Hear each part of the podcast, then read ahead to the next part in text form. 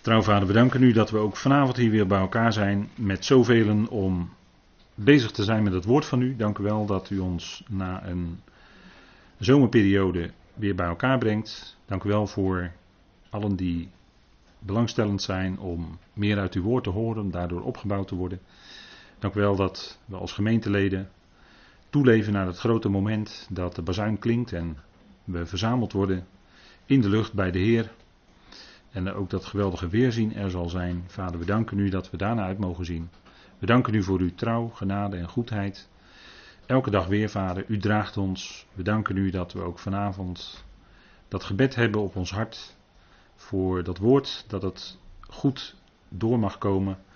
Wilt u daarin de woorden, de wijsheid geven, de beelden, overdrachts- en uitdrukkingsvermogen. Geef ons een luisterend hart. Dank u wel dat we daar achter die woorden van u, dat hart van u mogen zien kloppen van liefde voor ons en voor de hele schepping. Vader, we danken u dat we geroepenen zijn, dat u ons oor heeft geopend. Ook dat is heel bijzonder, Vader. Dat we dit, deze dingen met elkaar mogen zien. Dat is genade. Vader, we beseffen steeds meer dat we niets van onszelf hebben, maar dat alles van u komt. We danken u voor uw trouw. We danken u dat u in alles ons nabij bent. En ook in deze avond, Vader, wil ons genadig nabij zijn. Opbouwen door uw woord.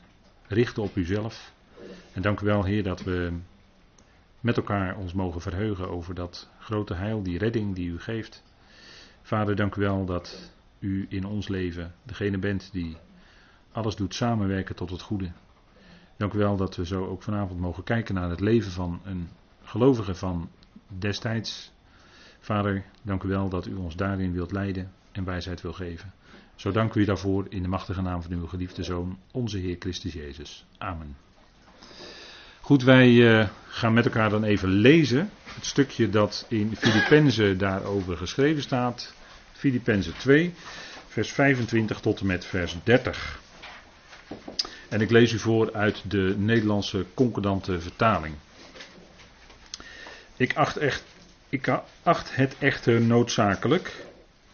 Epaphroditus, mijn broeder en medewerker en medesoldaat, en jullie apostel en dienaar, voor wat ik nodig heb, naar jullie toe te zenden. Nu hij vol verlangen naar jullie allen was en neergedrukt, omdat jullie hoorden dat hij zwak was. Want hij was ook zwak, de dood zeer nabij.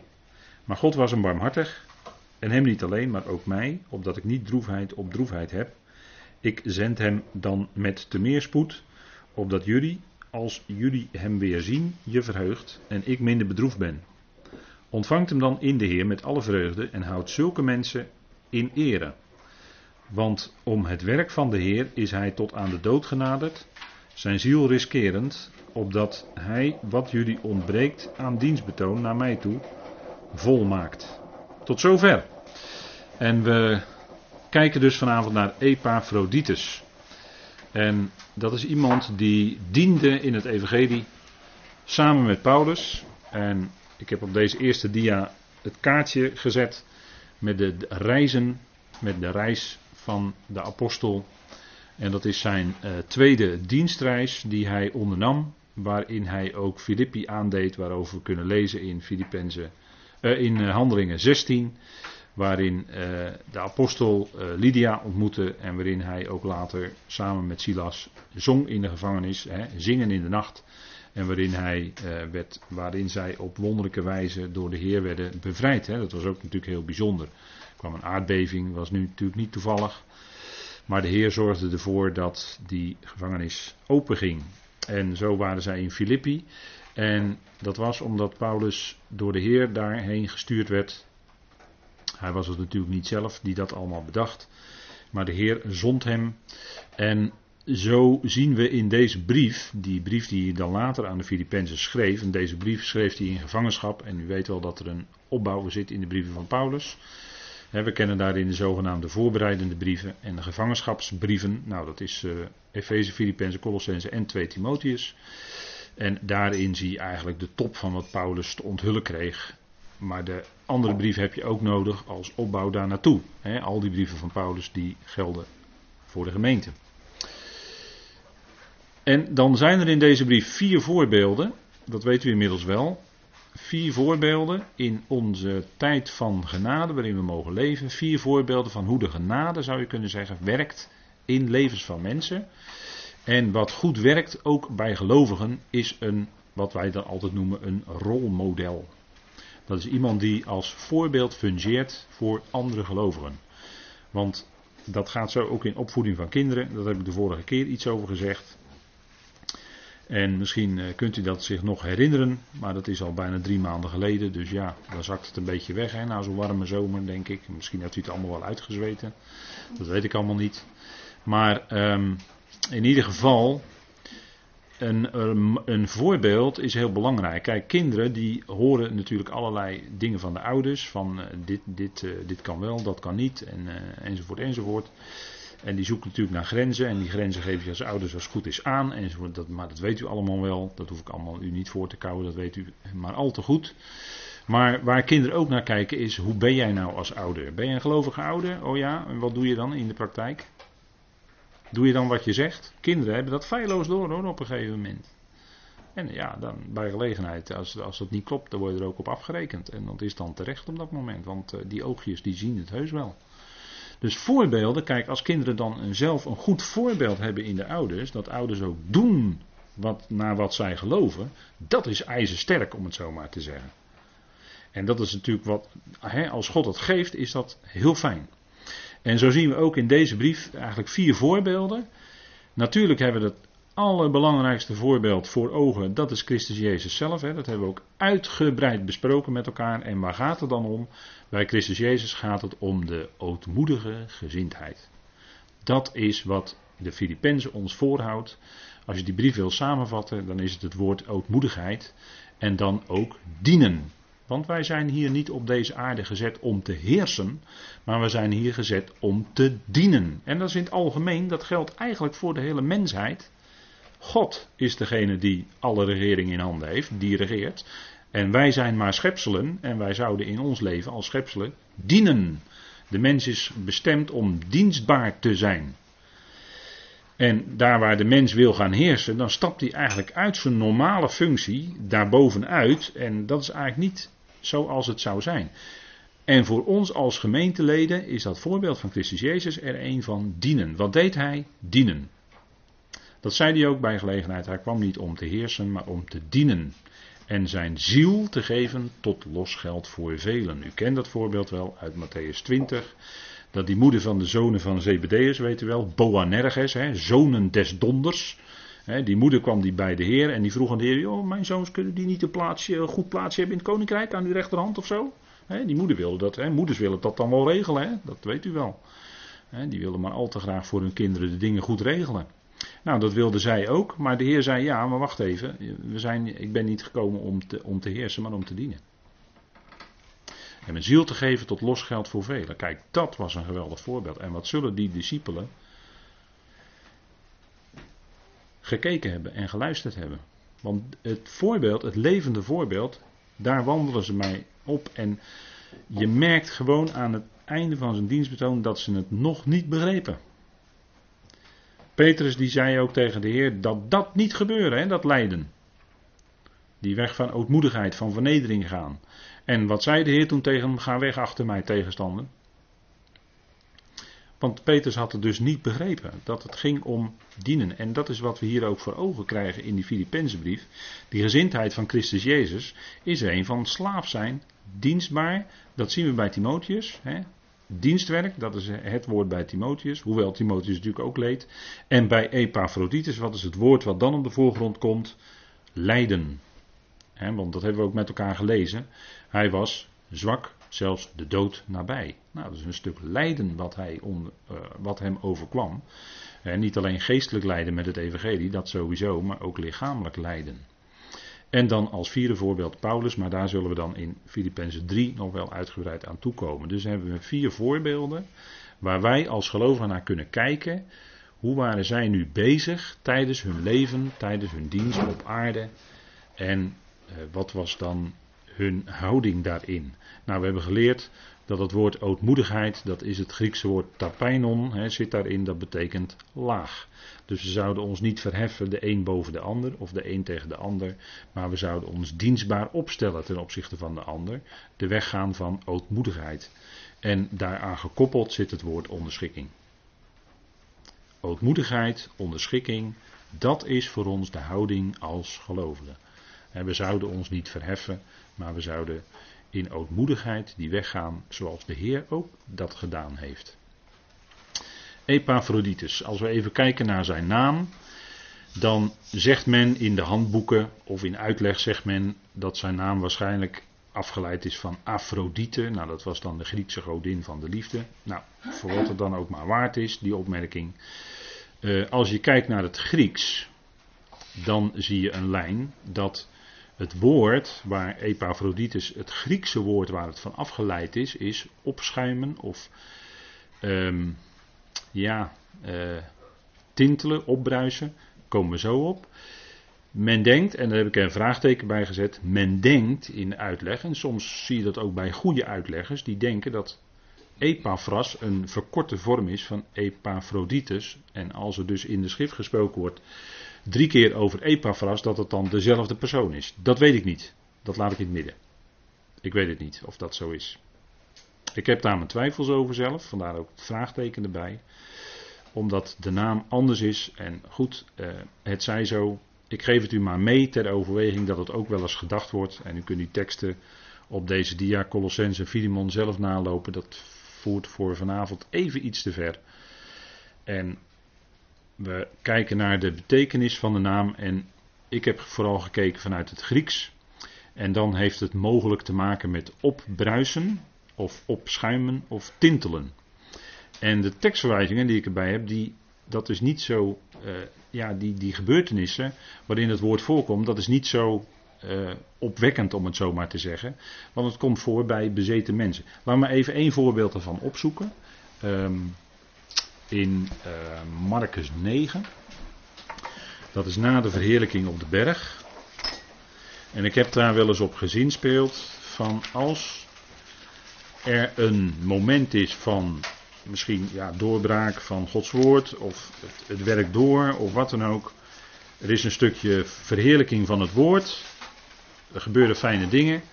Dan ben ik altijd op mijn hoede, want dan kan er daarna dus iets gebeuren waarin gelijk de terugslag komt van de tegenstander. En dat zie je ook bij de Heer. Als hij op de berg van de verheerlijking is geweest, wat hij dan tegenkomt. Dat is die zogenaamde maanzieke knaap, hè? die maanzieke jongen. Die, uh, en dat was niet zomaar, hij was niet zomaar ziek, nee, dat had te maken met machten, hè? met demonen. En uh, die, door die bezetenheid werd hij ook uh, aangegrepen en op de grond geworpen. Hij, hij verloor de controle over zichzelf. En ja, dat gebeurt vandaag aan de dag ook. In, uh, in zaken. En ik ga daar verder niet op in, maar het gebeurt wel. Dezelfde dingen gebeuren vandaag aan de dag ook. Zichtbaar voor ogen. Uh, ik heb daarvan in, in wel eens iets laten zien. Tijdens Bijbelstudies openbaring in in de pauze heb ik daar wel eens iets van laten zien. Voor degenen die dat toen, die weten dan waar het over gaat. Maar dat gebeurt dus in zogenaamd geestelijk, uh, geestelijke bijeenkomsten. Dat mensen onbeheerst, um, ja, onbeheerst overvallen worden door iets en dan niet meer kunnen stoppen met. Uh, wat is het? Trillen, op de grond liggen, uh, lachen, uh, noem maar op.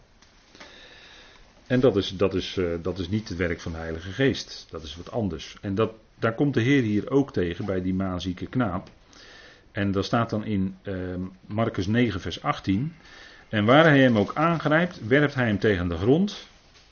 En het schuim, dat is het woord waar het even om gaat, staat hem op de mond en hij knast met zijn tanden en verstijft. En ik heb tegen uw discipelen gezegd dat ze hem moesten uitdrijven, maar ze konden het niet. Demonen, die moeten uitgedreven worden. En de Heer dreef ze uit met een woord. Hè? En in vers 20 staat het ook. En ze brachten hem bij hem. En toen hij hem zag, deed de geest hem meteen stuip trekken. En hij viel op de grond en hij wentelde zich met schuim op de mond. Nou, dat woord schuim, daar gaat het even om in ons geval. Dat Griekse woord, daarvan is de naam Epaphroditus afgeleid. En ehm, dan zou ik het wat Epaphroditus betreft positief willen duiden. Dat dat, uh, dat heeft te maken met opbruisen of opschuimen of tintelen, zoals op de dia staat. En dat zegt misschien wel iets over die Epaphroditus, heb ik gedacht. Dat hij uh, ja, eigenlijk zo ontzettend actief bezig was in dat evangelie. dat, dat bruiste in hem, dat, dat tintelde in hem, dat wilde hij uitdragen, daar wilde hij, dat, dat wilde hij mee bezig zijn, daar wilde hij mee, uh, ja, dat, dat wilde hij uiten. Op, op, en dus, dus dan dat opbruisen tintelen in de positieve zin. We hebben nou een, een, negatief voorbeeld zeg maar gezien van het woord. En uh, dat zou misschien een betekenis kunnen zijn. Dus Epaphroditus, iemand die in ieder geval, en dat is ook wat Paulus van hem zegt, die woorden gebruikt hij ook, iemand die zeer actief meewerkte met Paulus in het evangelie en als zodanig ook een stuk lijden overkwam. Dat is Epaphroditus. En natuurlijk kennen we Timotheus, maar vanavond is het denk ik goed om eens even naar die Epaphroditus te kijken. Kijk, Paulus noemt van hem vijf aspecten, om het zo maar te zeggen, vijf woorden gebruikt Paulus. En het getal 5, ja, ik denk dat het toch geen toeval is. Uh, het getal 5 is het getal van de genade. Hè? Uh, getal 5 heeft ook te maken met de verborgen dingen. En wat God in het verborgene werkt, maar dat werkt zich uit en dan zeggen we dat is genade. Getal 5 heeft te maken met genade. En dat is wat Paulus hier zegt. Mijn broeder, let op, ook op het woord mijn, hè? Dat, dat duidt op die nauwe band. Hè? Mijn broeder en medewerker en medesoldaat en jullie apostel en dienaar. Dus dan hebben we vijf aanduidingen, vijf aspecten die Epaphroditus karakteriseren. En ik denk dat het goed is om daar naar te kijken. Om daar niet zomaar want als we de Bijbel lezen, dan denken we, nou dat is mooi, maar dan denken we er denk ik misschien toch meestal niet zo over na. Maar het is goed om daar eens even wat op te focussen. Kijk, een broeder, het is namelijk een opklimmende, die woorden, daar zit een bepaalde opbouw in. Hè? Een broeder, maar dan heb je het woord medewerker, dat is nog wat meer. En dan heb je het woord medesoldaat, dat is nog iets meer. Hè? Dus daar zit, dat is een, als het ware een opklimmende reeks. Alle leden van het lichaam van Christus, zijn broeders. En dat geldt natuurlijk ook voor de zusters. We zeggen altijd als we broeders meervoud zeggen, dan zijn de zusters daar automatisch bij inbegrepen. Dus ieder is daarbij inbegrepen. Dat zijn alle leden van het lichaam van Christus. Gemeenschappelijke, die hebben gemeenschappelijk sympathie voor elkaar. Is de normale situatie. En die weten zich ook met elkaar verbonden in hem. En laten we maar heel even kijken naar en iets, iets dat het aangeeft, 1 Thessalonicense 4, een tekst die daarover iets zegt, over zeg maar de onderlinge broederschap, om het zo maar te zeggen. En, en Paulus die kon dan over die Thessalonicense wel iets fijns opmerken. En dan denk ik wel eens bij mezelf, ja, dat is fijn. Wat nu de 1 Thessalonicense 4, vers 9. Wat nu de broederliefde betreft, hè, de broederlijke genegenheid, hebben jullie het niet nodig dat ik jullie schrijf, want jullie zijn zelf door God onderwezen om elkaar lief te hebben. hey, broeders onder elkaar en dat zou eigenlijk als vanzelf moeten gaan. Hè? Dat broeders, dat gemeenteleden, meervoud, elkaar die liefde ook betonen, elkaar lief hebben. Want jullie doen dat ook ten opzichte van alle broeders die in heel Macedonië zijn. Wij roepen jullie echter ertoe op, broeders, dat nog veel meer te doen. Dus dat was nog niet. Paulus zag dat en hij zag, hij, hij zag fijne dingen.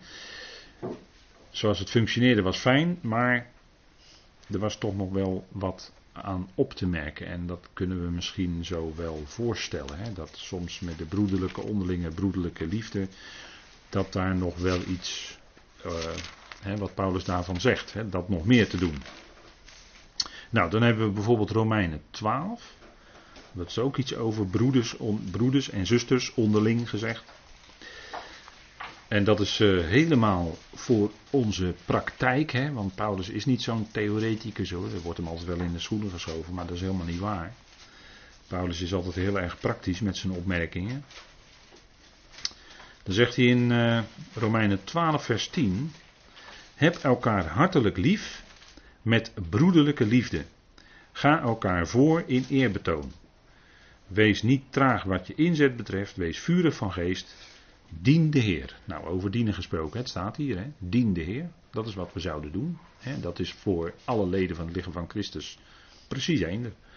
We zijn geroepen om te dienen.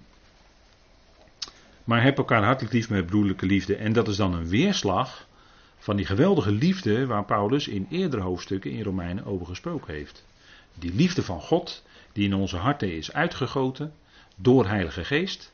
En daardoor kunnen we van binnenuit elkaar, hè, dus als gemeenteleden, hè, allemaal, allemaal zoals we in de gemeente zijn. En de gemeente is wereldwijd.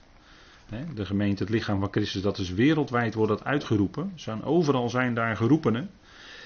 Dat is echt niet uh, een lokale gemeente alleen in Rotterdam of zo. Nee, dat is wereldwijd. Overal zijn broeders. En uh, overal heb je dan, als je met elkaar contact hebt, dan merk je dat. als je echte broeders ontmoet, dan merk je dat gewoon. Dan deel je met elkaar het woord, dan deel je het geloof. En dan is dat gewoon heel fijn. Nou, Romeinen 14, nog even een opmerking van Paulus over broeders onderling. Hè. Even heel praktisch, want Filippenzen is natuurlijk ook een hele praktische brief. Daar zegt Paulus, Romeinen 14, vers 13: Laten wij dan niet langer elkaar oordelen of richten, maar oordeel liever dit: de broeder geen aanstoot of oorzaak tot struikelen te geven. He, dat wordt het woord valstrik gebruikt. Laten wij er nou voor zorgen dat wij voor die ander geen aanstoot geven of valstrik zijn. Dat is natuurlijk, ja, dat is de weg van de liefde. Hè? Dat je de ander niet wil tot aanstoot wil zijn. Maar dat je, bij wijze van spreken, als die ander moeite heeft met bepaalde dingen. Uh, ik noem maar iets, het eten van vlees of zo. Laat ik maar even heel voorzichtig iets noemen. Nou, als je weet dat een ander daar moeite mee heeft, dan zou je in de nabijheid van die ander doe je dat niet. Dat is geen aanstoot willen zijn. En terwijl je misschien als je privé bent thuis, dat je gewoon wel vlees eet, met bloed erin, ik noem maar wat, bloedworst of zo. Als je dat thuis wel doet, je hebt alle vrijheid. Dat weten wij, we hebben alle vrijheid. We mogen alles eten. God geeft ons alles uit zijn schepping om te nuttigen onder dankzegging zegt Paulus. Dus het maakt niet uit wat het is. En of het nou wel, eh, ja, waar, waar je het koopt, ja, als het vlees is, is vlees. En, dan ga je het lekker braden. Dan ga je toch niet navraag doen of misschien ooit of het was aan, weet ik waaraan. Daar doen we geen navraag naar. Het is gewoon vlees wat God geeft uit zijn schepping. Klaar. 15, vers 15 zegt Paulus, maar als je broeder om wat je eet, nou daar had ik het net over, maar als je broeder om wat je eet bedroefd wordt, dan wandel je niet meer naar de liefde. Kijk, dat is het niet tot aanstoot willen zijn. Dus als jij weet van je broeder, die heeft moeite met als in zijn of haar nabijheid jij dat zou eten, nou dan doe je het niet. En dat doe je dan omwille van de liefde, dat je voor de ander geen aanstoot wil zijn.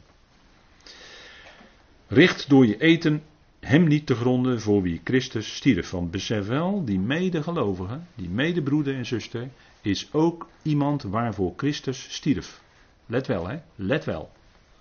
Dat is wel het punt, hè? Die ander die we ontmoeten in het lichaam van Christus, ook daarvoor is Christus gestorven. Daar heeft hij zichzelf volledig voor gegeven. Niet alleen voor jouzelf, daar ben je heel dankbaar voor, maar ook voor die ander. En, en dat is eigenlijk de, de bijzondere band die we met elkaar hebben. Bezorgd. Goed, dan uh, gaan we even kijken wat er nog meer gezegd wordt. Hij is niet. Kijk, Epaphroditus, dat was een broeder van Paulus. En dat is wel bijzonder. Hè? Paulus was natuurlijk een apostel die daarin. Uh, ja, eigenlijk dat werk toch vaak niet in zijn eentje allemaal kon doen. Hij was wel vaak uh, eenzaam. Of hij was wel, wel eens alleen. Maar was niet eenzaam. Maar had het was natuurlijk wel fijn als hij ook ondersteund werd door anderen die hem daarin ja, op een of andere manier hielpen.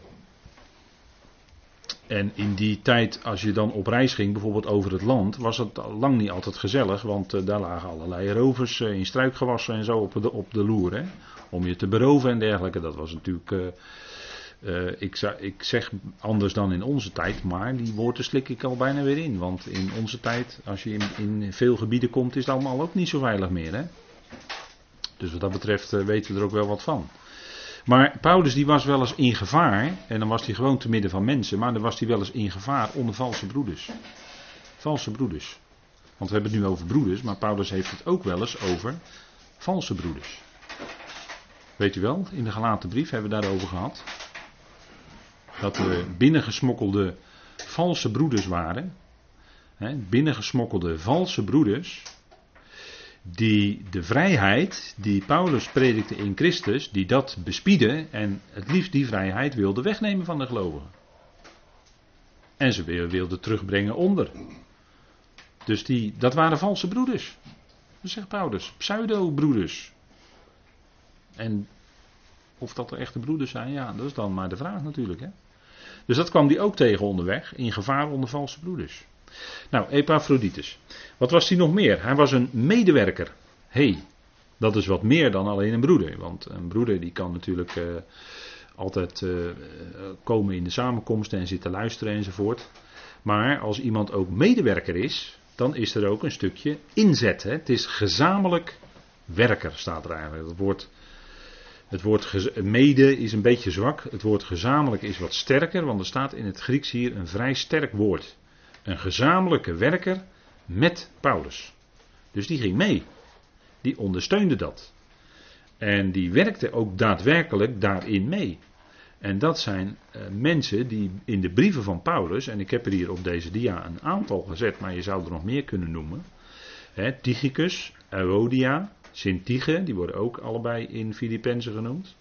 Aristarchus, Timotheus wordt natuurlijk ook een Filippenzen genoemd. Dat waren medewerkers, gezamenlijke werkers met Paulus. Die zetten zich in in dienstwerk. En uh, die zouden in gemeentes ook gewaardeerd worden. En daar, dat is een gevoelig punt hoor. Kijk, Paulus zei er iets over tegen de Corinthiërs. 1 Korinthe 16 vers 16. Laten we het even met elkaar opzoeken.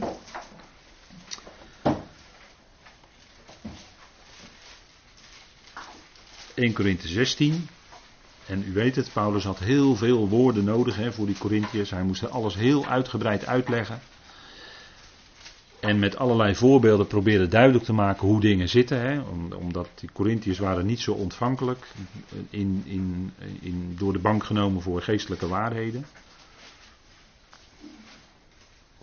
Ze waren nog eh, in hun gedrag nog onmondig, hè, nog vleeselijk. Er was oneenigheid, er waren geschillen enzovoort.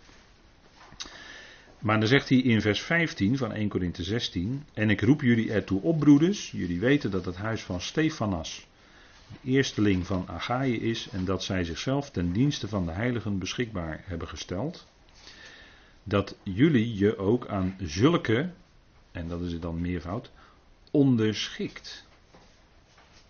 Dat jullie je ook aan zulke onderschikt. Hé, hey, dan gaat het om medewerkers. En aan ieder die meewerkt en zich inspant. Dat is een stukje waardering ook.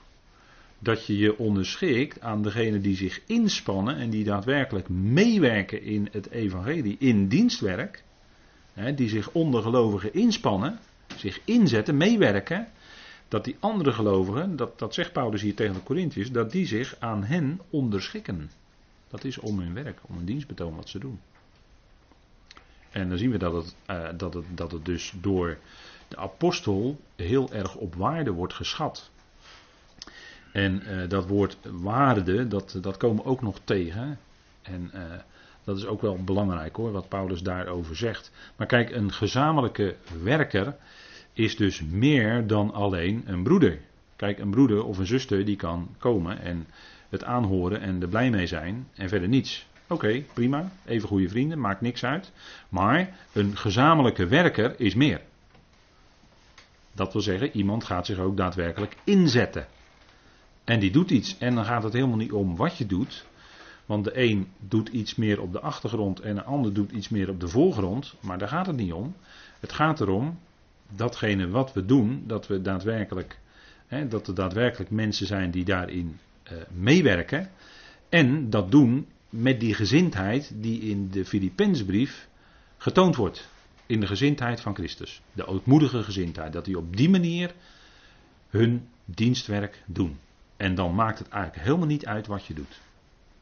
En dat zal de Heer later wel beoordelen bij de Bema. Want Paulus heeft het erover, dat we, hè, we net gelezen met elkaar, dat wij elkaar niet zouden richten. We zouden elkaar niet oordelen, we zouden elkaar niet richten immers. Hè, dat staat duidelijk in, in Romeinen diverse keren aan. Dus uh, wij hebben daarop, je kunt wel eens wat denken, maar niet elkaar richten. Niet, niet, dat, uh, hè, niet elkaar uh, daarin beoordelen, laat staan veroordelen. Hè. Dat komt ongelovigen, hoop ik, hoop ik niet voor. Maar ik ga automatisch al een beetje zachter praten nu. Ja, ik hoop dat het niet voorkomt. Maar dat is iets wat we niet zouden doen. We zouden het overlaten aan de Bema, want daar is Paulus ook mee bezig in Romeinen 14. Hebben we net gelezen met elkaar, Romeinen 14, maar het centrale stukje is vers 9 tot en met 11. En daar gaat het om de Bema.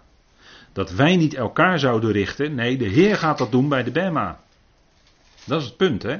De Heer is het hoofd van het lichaam en hij zal daar het juiste doen en het juiste richten.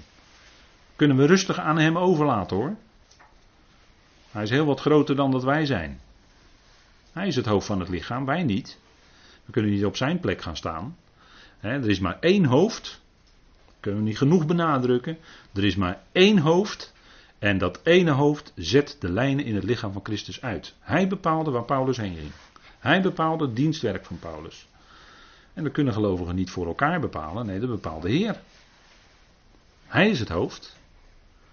Nou, dat is heel belangrijk hè, als we met elkaar hebben over inzet in dienstwerk, zoals Epaphroditus een medewerker was, een gezamenlijke werker met Paulus. Ja, dan is het zaak om te luisteren naar wat de Heer bedoelt. Hè. Nou, wat was Epaphroditus nog meer? Want het ging nog verder. Hij was een gezamenlijke soldaat, een medesoldaat. En uh, dat is ook wel een bijzonder woord, want dat wordt niet zoveel gebruikt. Het wordt voor Epaphroditus gebruikt en natuurlijk ook voor een Timotheus. Als we de tweede Timotheusbrief erop naslaan, dan komen we dat ook tegen. Dat tegen Timotheus wordt gezegd dat hij een, een, een goed soldaat zou zijn van Christus Jezus. Hè? Maar wat doet een gezamenlijke soldaat? Want ja, met het woord soldaat, dan gaat het natuurlijk over strijd. Hè, dan gaat het over echt, uh, ja, dan komt het erop aan. Nou, u ziet hier die Romeinse soldaten met hun uh, wapenuitrusting. Nou, die hebben wij ook. We hebben onze geestelijke wapenrusting. En uh, soldaten, die Romeinse soldaten, dat waren geen kinderachtige, kinderachtige soldaten hoor. Dat ging er hard aan toe als er strijd werd geleverd. Hè. De Romeinen konden een groot gebied overmeesteren van Europa. Boven, uh, in, uh, in Engeland boven een bepaalde grens dan niet. En ik heb wel eens begrepen ergens uit een stripboek dat een klein dorpje ergens in Frankrijk ook niet overmeesterd kon worden. Maar ik weet niet of dat nou helemaal feitelijk was of dat nou fictie is. Maar kon je wel eens om lachen. Ik heb er vroeger veel om gelachen om die boeken. Het was wel grappig. Maar die, kijk, die Romeinse soldaten. Die waren bedoeld in de strijd om anderen natuurlijk kwaad aan te doen. Die moesten in de strijd overwinnen en ja, dan moesten anderen, de tegensoldaten, moesten gedood worden daadwerkelijk. Kijk, in het evangelie van Paulus gaat het precies andersom. Dan daar gaat het er niet om dat, dat anderen kwaad aangedaan wordt, maar dat er kwaad geleden wordt. En dat is ook wat Paulus tegen Timotheus zegt. Laten we het even met elkaar lezen want nu uh, Epaphroditus een gezamenlijk soldaat met Paulus is, en dat is natuurlijk strijd, want ja, ik heb u vaak genoeg gezegd in de loop van de jaren, rondom het woord is altijd strijd. Ja, en dan, ja, dat, dat komt, dat komt, dat komt. En dan is weer een tijdje iets rustiger en dan komt het weer. En het gaat maar door. Hè? Dat, uh, ja, kan me zo langzamerhand wel iets, ietsje bij voorstellen. Uh, 2 Timotheus 2. Vanaf vers 3, daar hebben we ook een concordante vertaling van. Leid kwaad met mij als een uitstekend soldaat van Christus Jezus. Ziet u het? Dat zegt Paulus tegen Timotheus. Dus Timotheus was ook een gezamenlijke soldaat met Paulus. En het ging er dus niet om om kwaad aan te brengen bij anderen. Nee, het gaat hier om om kwaad te lijden met het evangelie. Dus eigenlijk heel wonderlijk hè, dat je dan een soldaat bent en dan moet je, en dan niet moeten, maar dan wordt je aangezegd, leid kwaad met mij als een uitstekend soldaat. dus als er, als er dan over je uh, liegende, als er dan kwaad over je gesproken wordt, laat er dan liegende zijn, ik noem maar iets. En er wordt je kwaad aangedaan, er worden valse geruchten verspreid en er worden insinuaties gedaan. En dat, dat gebeurde allemaal bij Paulus natuurlijk. Hè. Paulus zou dit en Paulus zou dat. Hij werd gevangen genomen in Jeruzalem. Omdat zij meenden, let op, zij meenden dat Paulus, uh, ik meen dat het Trofimus was, uh, Trofimus was, voorbij de Zoreg had gebracht. Was helemaal niet waar. Ze hadden hem gesignaleerd in de stad met Trofimus. En zij meenden, zij veronderstelden dat Paulus hem dan wel voorbij die zorg, bij die muur waar hij er een beslist niet voorbij mocht komen, dat hij hem daar wel dan voorbij had gebracht. Dat was helemaal niet waar. Maar op die valse beschuldiging werd Paulus wel gevangen genomen. Zo ging het wel in zijn leven. En, en dat is kwaadlijden met het evangelie. en zij, zij zeiden, nee, hij leert afval van Mozes. Hij leert afval van Mozes. Dat is helemaal niet waar. Hij, leerde wat nog boven de Torah van Mozes uitging. Dat leerde hij. Maar niet afval van Mozes. Kom, kom. En dat er een andere tijd was aangebroken en dat de dingen wel anders gingen. Ja, dat is waar. Dat is waar. Maar dat, zo waren er voortdurend uh, valse beschuldigingen hoor. En, en dat is wat. Uh, uh, dat, dat is wat gebeurt. Hè. Kijk, de aanvallen komen op een onheuse manier. En, en dat, is, uh, dat zie je ook in de voetbal. Hè. In de voetbal zie je, kijk, als ze, uh, als ze die bal niet van je kunnen afpakken, dan pakken ze de man. Hè, dan word je gewoon lekker onderuit geschoffeld. Hè, dan word je eens even flink getackeld. Want ja, ze kunnen dan niet hebben dat jij die bal maar steeds in bezit hebt. En dat is ook zo met evangelie. Als ze dat woord niet kunnen weerleggen, wat gaan ze dan doen? Dan gaan ze die boodschappen van het woord gaan ze aanvallen. Dat gebeurt allemaal. Hè. Dan gaan ze, degene die het woord brengt, of het evangelie brengt, gaan ze dus gaan ze op de man spelen en niet de bal. Als ze, als ze dat woord niet kunnen weerleggen, ja, nee, dan gaan ze de boodschapper aanvallen. Dan wordt de boodschapper onderuit gehaald, worden de valse geruchten verspreid, en, enzovoort, enzovoort. En er worden dan brieven geschreven, en tegenwoordig gaat het natuurlijk met e-mails allemaal. En uh, ja, dat, ja, ja, ja. Nou, daar gaan we wat in rond hoor. En kijk, het, nadeel van e-mail is, vind ik wel eens, uh, dat, je, dat je dan een e-mail krijgt en dan, uh, dan ga je terugreageren in je emotie. En dan ga je iets snel typen en dan stuur je gelijk terug je antwoord. Moet je niet doen. Moet je niet doen.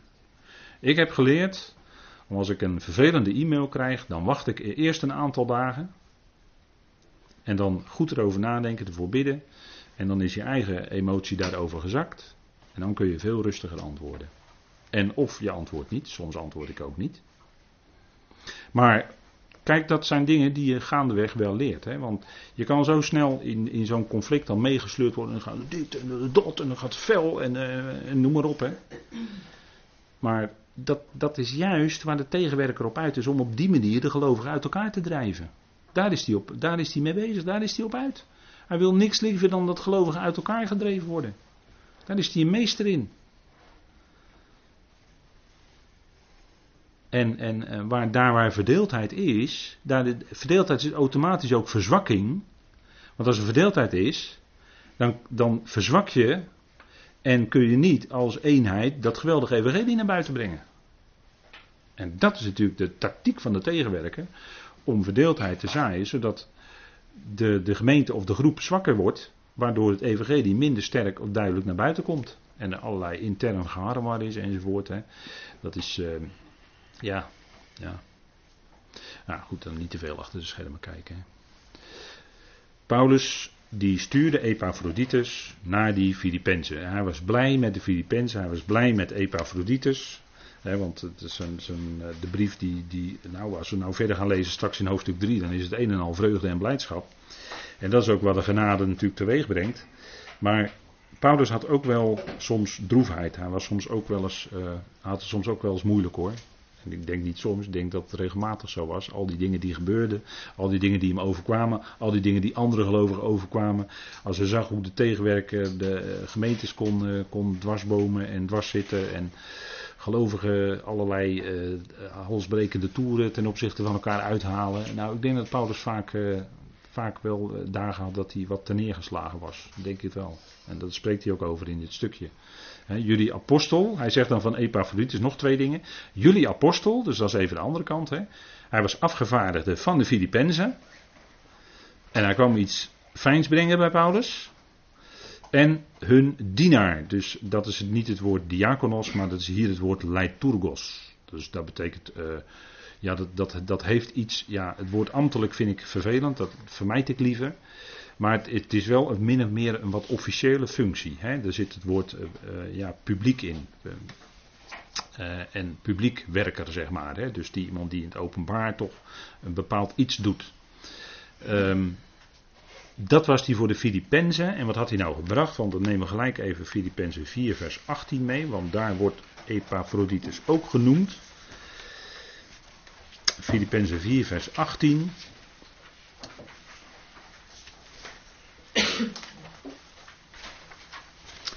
En daar zegt Paulus: Ik heb echter alles en ik heb overvloed. Ik ben volledig voorzien nu ik van Epaphroditus jullie bijdragen ontving. Een aangename geur, een welkom offer, welgevallig voor God. Paulus had er niet om gevraagd, maar de Filippenzen gaven dat uit vrije beweging via Epaphroditus aan Paulus. En wat zegt Paulus ervan? Een aangename geur, niet zozeer voor hemzelf in de eerste plaats, maar voor God. Hè? Een welkom offer, welgevallig voor God. Kijk, dat was in die Filippenzen hun harten gewerkt. Een spontane actie, om het zo maar te zeggen. Waarbij zij Paulus een ondersteuning gaven. Paulus vroeg daar nooit om. Maar de Filippenzen deden het wel. En dat is natuurlijk toch wel bijzonder. En daaruit blijkt een stukje uh, verbondenheid en uh, genegenheid, denk ik. Um, ja, dat is denk ik uh, bijzonder dat we dat beseffen met elkaar. En we kunnen, wat dat betreft, denk ik, uh, ja, weten dat God harten beweegt van mensen. En dat mensen uit zichzelf ja, dingen doen om dat geweldige evangelie, want als je daar blij mee bent, dan, dan wil je daar ook iets mee doen. Dan wil je dat ook graag dat het verder komt. Dat ook anderen daar blij mee worden. Nou, daar zijn we mee bezig. Hè? Naar jullie toe te zenden. En die zender, hè, Paulus, die zendt dan Epaphroditus naar die Filippenzen. Want hij had dat, uh, hij had dat, uh, had die gift van hen, die gave, wat er dan ook maar was, had hij ontvangen. Daar was hij heel blij en dankbaar voor. En nu wil hij Epaphroditus naar die Filippenzen toezenden. en dan gaat het even andersom. Dan gaat Epaphroditus niet meer van Filippenzen naar Paulus toe, maar weer terug. En wat doet Epaphroditus dan? Die gaat. Kijk, dat was een medewerker, een gezamenlijke werker. En Paulus zei bij gelegenheid, nou, ga maar dit en dat en ga maar terug naar die Filippenzen. En breng ze maar dat en dat over. En Epaphroditus was een ootmoedige gelovige en die ging. En op dat moment handelde de Heer zo via Paulus dat Epaphroditus dat stukje dienstwerk, om het zo maar te zeggen, deed. En hij ging, hè, een ootmoedig mens. Hij ging niet eerst de ondernemingsraad bij elkaar roepen en uitgebreid discussiëren met Paulus waarom dat nou toch moest. Maar Epaphroditus ging gewoon. en dat is, dat is een, een, een, teken dat hij ootmoedig mens is en uh, zich niet verhief enzovoort. Hè. Kijk, die Epaphroditus, dat was natuurlijk een mens. En natuurlijk als mens hebben we allemaal emoties. En dat komt hier ook duidelijk naar voren. Hè. Hij was vol verlangen. Hij was vol verlangen naar jullie allen. Want uh, op dat moment dat Paulus dit schrijft, was hij niet bij die Filippenzen. Maar hij wilde heel graag bij ze zijn. Uh, want er was iets gebeurd. En, en het was een moeilijke, moeilijke fase in het leven van Epaphroditus. Hij was vol verlangen, en dat woord gebruikt Paulus ook in Filippenzen 1, vers 8. Hè, dat hebben we ook gezien, dat Paulus zelf vol verlangen was om die Filippenzen te ontmoeten. Om dat geloof en dat woord met ze te delen. Uh, en hij was ook ten neergedrukt. En hoe kwam dat nou? En dat woord ten neergedrukt is eigenlijk toch wel een vrij sterk woord. Uh, want dat wordt gebruikt als iemand, hè, uh, wij, wij hebben het wel eens over een post-PTSS. Heel moeilijk woord. Posttrauma, hè? dus een trauma is een verwonding. En daarna, hè, je, je hebt als het ware uh, iets schokkends beleefd. En daarna ben je door die schok die je hebt beleefd, ben je enorm ten neergedrukt. En dat kan heel heftig zijn in de mens. Nou, dat woord wordt er gebruikt, ten neergedrukt. En, en, en Epaphroditus, die was ten neergedrukt, omdat jullie hoorden dat hij zwak was. Kijk, hij was ook heel zwak, want dat blijkt uit het vervolg. Epaphroditus was ook heel zwak op dat moment. Maar hij vond het, hij, hij vond het akelig als die Filippenzen door zijn omstandigheid ten neergedrukt zou worden. Dat hij zelf ziek en zwak was, zou hij het heel vervelend vinden als die gemeente daar zou, onder zou lijden als het ware. Dat wilde hij eigenlijk niet. En ziet u hoe enorm bescheiden die Epaphroditus was. Hè? Dat hij die ander absoluut niet uh, wilde belasten. Zelfs niet met zijn eigen moeilijke situatie. Want je, met, met dingen, moeilijke dingen die je meemaakt, uh, ja, daar, daar loop je niet direct mee te koop, denk ik. Want dat, dat, kijk, het gaat, het gaat erom dat we elkaar opbouwen eh, bemoedigen in dat, in dat geloof wat we delen met elkaar. Hè? Dat je elkaar daarin bemoedigt. Hè? Dat, dat, is, dat je elkaar daarin vertroost. Paulus zegt dat toch ook? Vertroost elkaar met deze woorden. Nou, wat zijn die woorden? Dat is, Philipp, dat is 1 Thessalonicense 4. Dat is als, we, als een gemeente het moeilijk heeft, als er iemand ontvallen is en die moet begraven worden. Dan is, dat zijn moeilijke momenten. En, en dan is de verdriet, dan is de rouw. En, en Paulus zegt dan, vertroost elkaar dan met deze woorden. Die woorden van die je opbouwen, die je bemoedigen, die je uitzicht geven op de toekomst, als dat weerzien daar zal zijn. Met, met al die gelovigen die ons ontvallen zijn in de loop van de tijd, daar kijken we naar uit, vol verlangen. Daar keek Paulus naar uit. En dat zijn troostvolle woorden. Want in de toekomst komt die verandering. En die verandering is dat die doden opgewekt zullen worden, die bij het lichaam van Christus horen. En dat we gezamenlijk met z'n allen de Heer gaan ontmoeten in de lucht. Dat, is, en dat zeggen we regelmatig tegen elkaar. Dat is je troost. Dat zijn bemoedigende woorden. Dat, dat, dat geweldige uitzicht hebben. Dat geeft kracht in een periode van, van ziekte, van ernstige ziekte. Dat je, dat je zelfs als iemand zeer ernstig ziek is. Ja, dan herinner ik me gesprekken dat ik, dat, ik door de zieke, dat ik door de zieken werd opgebouwd die ik bezocht. Die vertroostte mij als het ware, bijna. Dat, dat is, eh, nou bijna, dat was echt zo. Is heel bijzonder eigenlijk. Nou, zo is Epaphroditus ook. Hè. Hij was ten neergedrukt, want hij wilde niet dat die Filippenzen door zijn situatie het moeilijk zouden hebben. Dus even over nadenken. Hè. Wat, wat voor iemand die Epaphroditus dan eigenlijk was. Hè.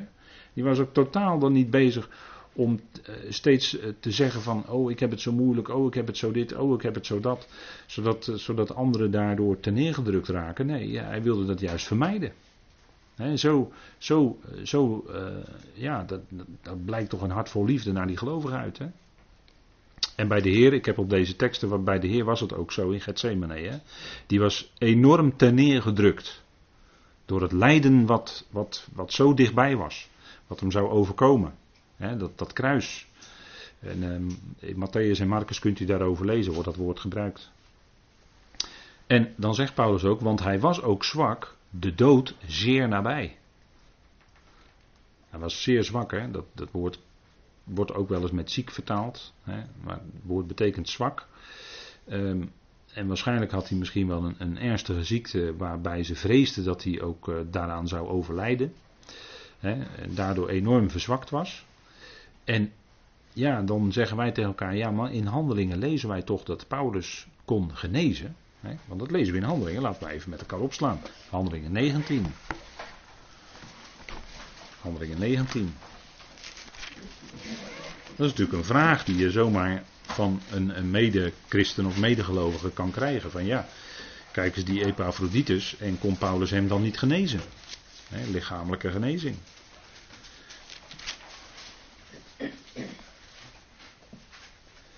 Handelingen 19, Paulus in Efeze vers 11. En God deed buitengewone krachten door de handen van Paulus. Zo zelfs dat als de zweedoeken of de doeken die hij om zijn middel droeg van zijn lichaam op de zieken gelegd werden, de ziekte van hen weken en de boze geesten uit hen weggingen zelfs. Dat was wat, hè. Maar dat was in de tijd van handelingen. En later is er kennelijk toch iets veranderd. Want op dit moment was, Paulus, eh, was het niet zo dat Paulus Epaphroditus ging genezen. Door bijvoorbeeld handen op hem te leggen of een zweetdoek naar hem toe te sturen of wat dan ook. Hè.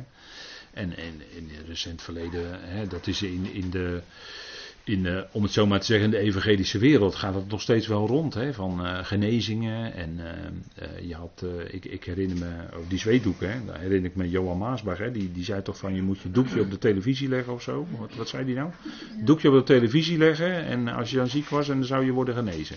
Ja, dat was dan Maasbach die dan via de televisie jou kon genezen. Johan Maasbach hè, was dat. Johan Maasbach Wereldzending in Den Haag. Die was dat. Die zei dat ik bedoel, ik kan dat in het openbaar zeggen, want zo is het in het openbaar ook gegaan. En uh, ja, daar had je nog uh, andere, andere mensen zouden natuurlijk vele voorbeelden kunnen noemen. Maar vaak is het toch zo, als we hier in de pers lezen over genezingsverhalen, om het zo maar te zeggen, en je gaat er nog wat meer over lezen en nog wat over doorvragen, is het toch altijd een beetje, hangt er toch altijd iets bij van ja, is het nou wel echt een lichamelijke genezing, ja of nee? Genezing op gebed twijfel toch geldt heel ernstig aan. Eigenlijk nog niet echt, weet, weet eigenlijk niet echt van iemand die nou echt in een genezingssamenkomst echt genezen is door gebed of op, door handoplegging op het podium. Ik zou het eigenlijk niet kunnen noemen. Ik ken wel aardig wat gevallen, om het zo maar te zeggen, waar genezing geclaimd werd en er was later helemaal geen sprake van genezing. Daar ken ik er nou net iets te veel van. En dat maakt mij sceptisch. En eh, in het leven van Paulus zien we dus dat hij hier in handelingen lezen dat hij genas.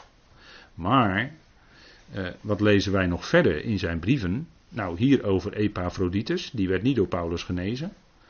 En hij was zwak, de dood zeer nabij. En dan zegt Paulus, God was hem barmhartig. Want er was wel degelijk een verandering opgetreden. De krachten van het koninkrijk, genezingen, opwekkingen van doden enzovoort. Die werkte niet meer, want Paulus liet Timotheus en Trofimus bij gelegenheid ziek achter. Hij genas ze dus niet. Dus dat was een andere situatie. En uh, daar was dus kennelijk een verandering gekomen. Want hij was ook zwak, de dood zeer nabij, zegt Paulus in 2 vers 27. Maar God was hem barmhartig. En daar wil ik toch wel de nadruk op leggen. God was hem barmhartig. Kennelijk herstelde Epaphroditus van zijn enorme ziekte, van zijn enorme zwakte, terwijl hij dicht bij de dood kwam. Maar God gaf hem herstel en dat is heel bijzonder. En zo kunnen wij in ons leven ook ernstig ziek zijn en misschien daarvan herstellen. Op dat moment is God je barmhartig en schenkt hij je verder leven. En als het anders is, dan is het anders. Maar in de situatie van Epaphroditus was God barmhartig. En dat is uh, kijk, dat barmhartig is dat iets wat naar buiten. Hè. God is ontfermend. Dat is meer zou, zou je kunnen zeggen, zit meer aan de binnenkant. Maar barmhartig is daadwerkelijk dat er een, een daad gedaan wordt. Denk aan de barmhartige Samaritaan. Die daadwerkelijk iets deed met die man die in handen van die rovers was gevallen. Dat was barmhartigheid. Hij deed daadwerkelijk iets. Hij zette die man op zijn ezel. Hij goot olie en wijn in die wonden. Prachtige, prachtig verhaal en wat de Heer daar vertelt. Echt schitterend. Met al die beelden die daarin zitten. Maar goed, dat, dat, dat voert voor nu natuurlijk veel te ver. Maar die barmhartige Samaritaan, die hielp die man die langs de kant van de weg lag. En bracht hem op zijn eigen rijdier in die herberg waar hij twee dagen zou blijven. En dan zou die Samaritaan waarschijnlijk terugkomen. Maar dat is een beetje open einde. En dat had de Heer wel vaker, hè? een open einde. Denkt u maar aan, de, aan, de, aan het verhaal van de rijke man en de arme Lazarus. Moet u nog maar eens herlezen. En dan, het heeft eigenlijk een open einde. Het heeft een open einde. Maar goed. Misschien binnenkort daarover meer. Trofimus werd ook niet genezen. En ik denk dat het ook vandaag ook niet zo werkt.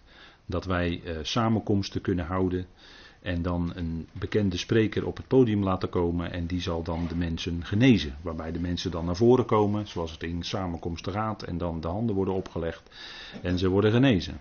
Nee, dat gebeurt niet in deze tijd. Dat gebeurt niet. Dat is bij, eh, bij zeer hoge uitzondering dat God het geeft dat iemand misschien herstelt. Dat was ook bij Epaphroditus zo. Maar dat is absoluut niet aan de orde. Geen krachten van het koninkrijk in deze tijd. Straks als de gemeente weg is, na de bazuin, dan zullen die krachten van het koninkrijk weer wel op gaan treden, omdat dan dat aardse koninkrijk door gaat breken. Dat is de lijn van de schrift. En Paulus, die had daar droefheid over. Want hij zegt, ja, God is barmhartig, was barmhartig in dat leven van Epaphroditus. En dan zegt hij, en hem niet alleen, maar ook mij. God was ook barmhartig voor Paulus, opdat ik niet droefheid op droefheid heb. Want Paulus was natuurlijk geweldig blij en dankbaar dat hij zag dat Epaphroditus herstelde van die enorme zwakte. En dat zag Paulus ook als een stukje barmhartigheid van God naar hemzelf toe, opdat hij niet droefheid op droefheid zou hebben. Nou, dat woord droefheid kennen we misschien niet meer zo goed, maar dat betekent je mistroostig voelen, neerslachtig, je treurig voelen. En dat maakte Paulus mee. Paulus was ook gewoon net zo'n mens als wij. En die had ook zo zijn emoties. En daar spreekt hij hier over. Hij had ook eh, dagen van droefheid.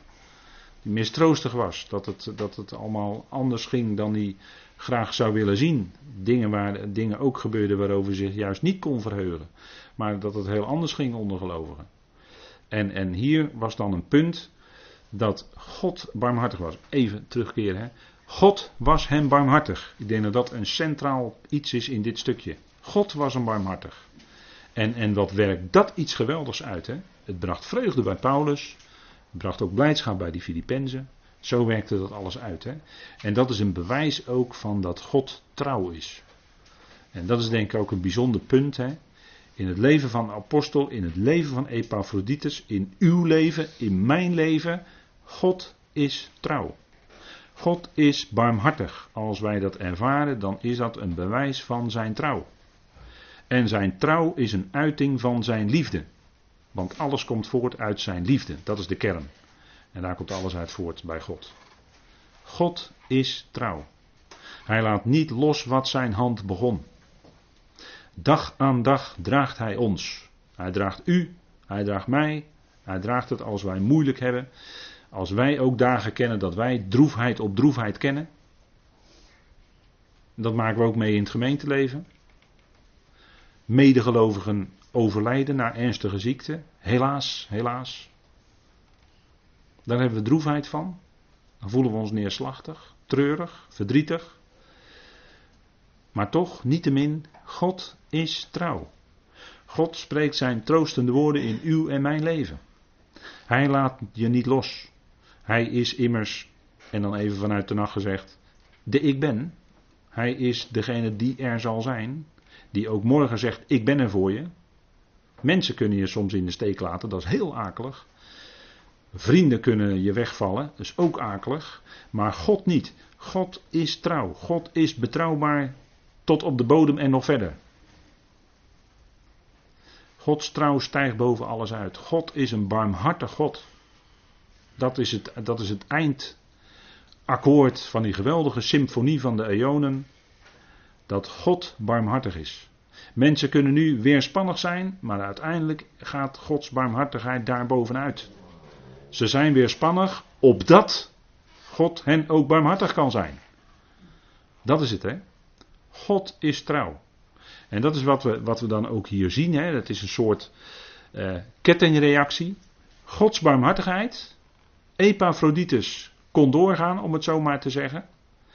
En zo konden de Filippenzen hem weer ontvangen. Hij was vol verlangen om naar ze toe te gaan. Zij zouden natuurlijk geweldig blij en dankbaar zijn met dat hij er weer was. En Paulus was ook verheugd omdat hij dan ook zag dat niet alleen Epaphroditus herstelde, maar ook die Filippenzen weer meerdere blijdschap hadden. En dat verheugde de apostel. En daarom zegt hij ook: Ik zend hem dan met te meer spoed daar zit het woord ijver in. Opdat jullie, als jullie hem weer zien, je verheugt en ik minder bedroefd ben. Kijk, dat, dat beurde de apostel op. Dat die gelovigen weer bij elkaar zag komen. En gezamenlijk weer verder ziet gaan. dat, dat verheugde het hart van de apostel. En natuurlijk is dat die genade die dan doorwerkt. want in dat woord, onder dat woord verheugen zit natuurlijk altijd het woord genade. dat, dat, dat zit zo vast aan elkaar gekoppeld in het Grieks dat, dat is bijna één op één. Je verheugt, dat is die beleidschap, die vreugde van de genade die dan doorwerkt. En zo werkte dat ook bij die Filippenzen door. Hè? Ze waren blij met het evangelie van genade en dat wilden ze ook graag doorgeven. Dat die andere, andere mensen daar ook blij mee zijn met die genade. Ja, genade is gewoon het, het geweldige principe. Het, het, is gratis, het is voor niets. Het is de rechtvaardiging van de goddelozen, is onlangs heel duidelijk over gesproken. En ik sprak laatst iemand die was blij met, die, met, die, met dat, uh, dat daar zo duidelijk over gesproken was. Ja, God is rechtvaardig. En eh, God is liefde. En hij rechtvaardigt de goddeloze. Nou, kom er maar eens om. Geloof. Dat is zonder, zonder werken. Romeinen 4. Uh, eh, ja, de spreker zei ook: een beetje gratis bestaat niet. Nee, inderdaad. Het is echt helemaal voor niets. We kunnen er niets voor doen. En dat is ook het evangelie wat niet is naar de mens. Je kunt er niets voor doen. Het is genade. Dat betekent, het, het slaat al de werken uit jouw handen. En daar hebben we het als mensen vaak moeilijk mee. Want wij willen graag religieus zijn. Wij willen graag iets terugdoen. Wij willen, iemand heeft ook wel eens gezegd, koehandel met God bedrijven. God, als ik nou dit doe, wil u mij dan meer zegenen. Als ik nog meer dit doe, wil u mij dan nog meer zegenen. Nee, zo is het niet bij God. Helemaal niet. Je bent gezegend en dat blijft zo. En vanuit die zegen die je ontvangt, die genade die je ontvangt, dat werkt in je. En daarom kun je van binnenuit en wil je ook van binnenuit Hem dienen. Nou goed, ik denk dat het goed is om even met elkaar te pauzeren.